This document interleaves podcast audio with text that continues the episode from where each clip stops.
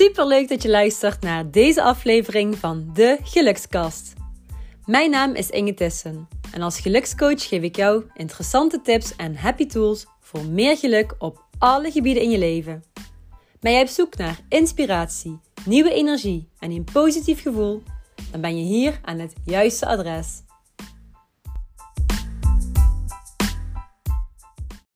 Hey lieve lieve mensen, super leuk dat jij luistert naar deze aflevering van de enige echte gelukskast.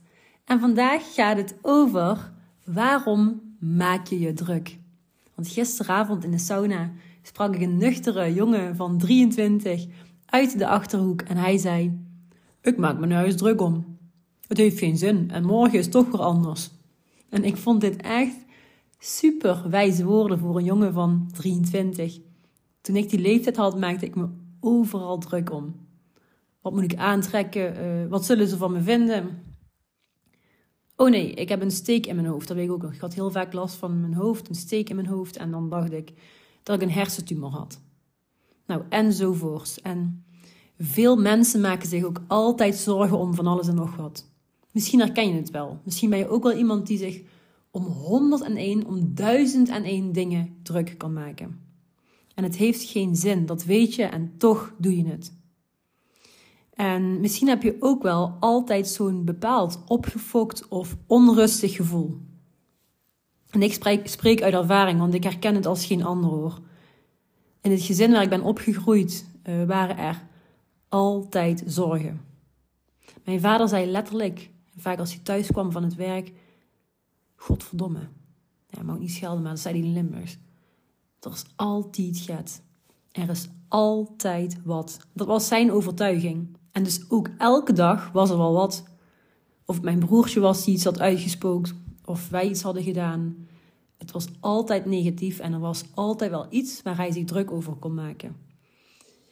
En er was ook altijd heel veel gejaagdheid en onrust en bewust en of onbewust heb ik dit overgenomen.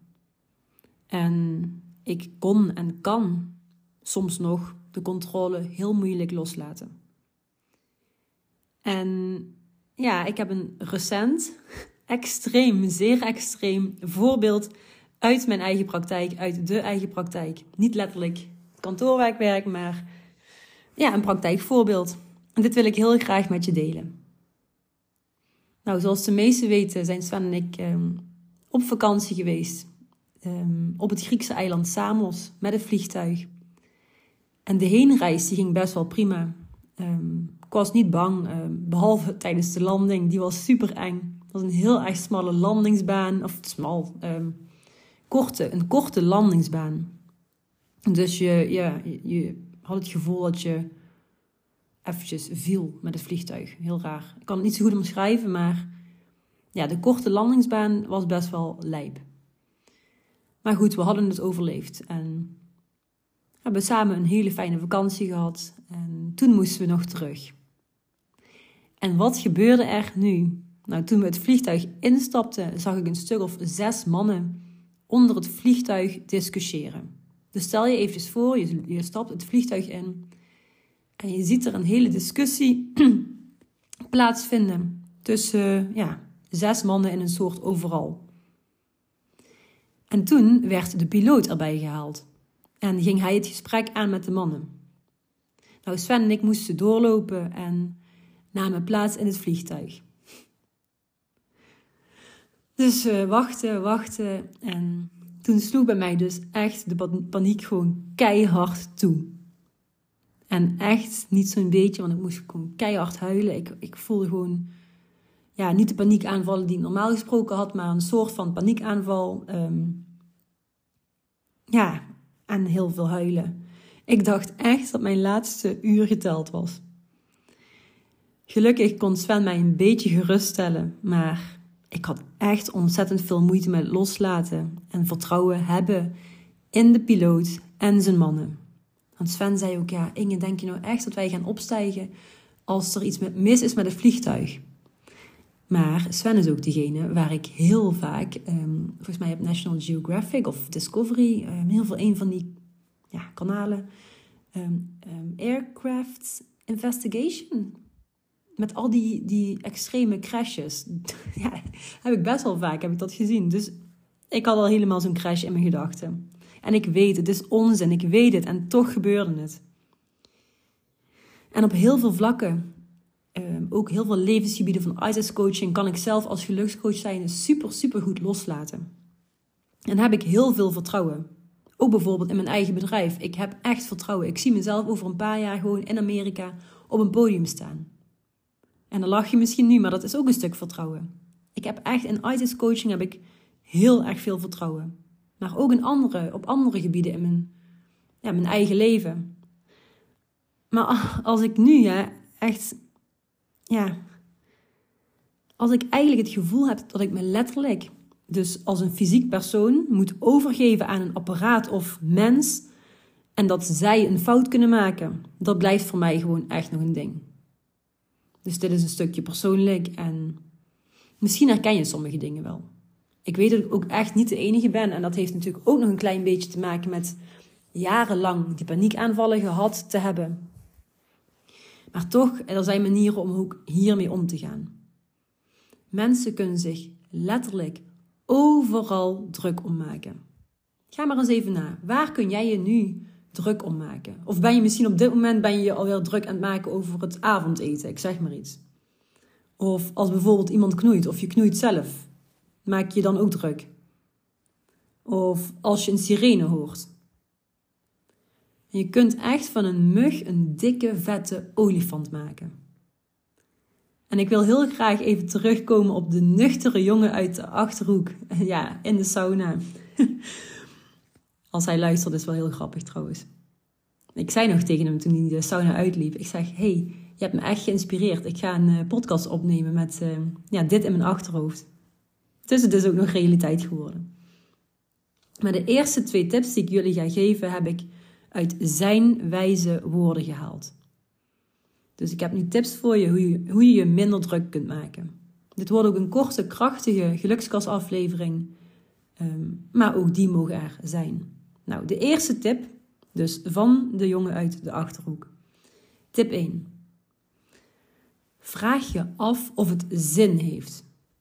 Of dat het alleen maar verspilde energie is. Want je druk maken, je zorgen maken, kost ontzettend veel energie. En haalt eigenlijk heel veel tijd ja, en energie bij je weg. En dat is zonde. Dus vraag je af of het zin heeft om je druk te maken. Heb je er um, ja, controle over? Kun je, kun je het veranderen of is het gewoon wat het is? Goeie tip. Nou, tip nummer 2, schrijf het eventueel op. Tip nummer 2, ook van de nuchtere jongen uit de achterhoek. Hij zei letterlijk: Morgen is het toch weer anders. Dus schrijf op: Morgen is het toch weer anders. Het heeft 0,0 zin om je zorgen te maken over problemen die zich misschien morgen of nooit zullen voordoen. Dat is toch zonde als je je ergens druk om maakt, wat nog niet eens plaats heeft gevonden en misschien wel nooit plaats zal vinden. Misschien nooit wel, of misschien wel nooit zal gebeuren. De derde tip, tip 3. Accepteer, accepteer, accepteer dat jij sommige dingen niet kunt veranderen. En deze tip heb ik nog zelf uh, ja, hieraan toegevoegd. Accepteer dat je sommige dingen niet kunt veranderen. Het enige dat jij kunt veranderen is hoe je omgaat met de situaties. Is hoe jij omgaat met wat er op je pad verschijnt. En dit is een superkrachtige derde tip en krachtige afsluiter voor deze mooie, korte, krachtige gelukskast. Nog één keer, dus tip 1. Vraag je af of het zin heeft. Tip 2. Morgen is het toch weer anders. En tip 3. Accepteer dat je sommige dingen niet kunt veranderen.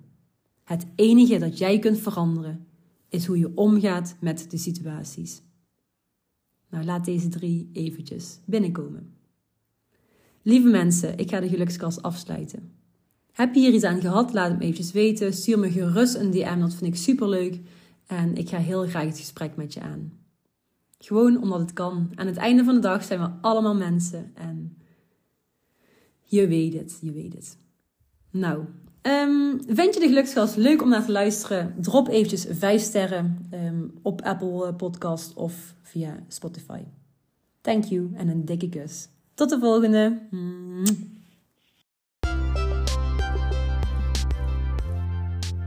Dankjewel voor het luisteren naar de Gelukskast.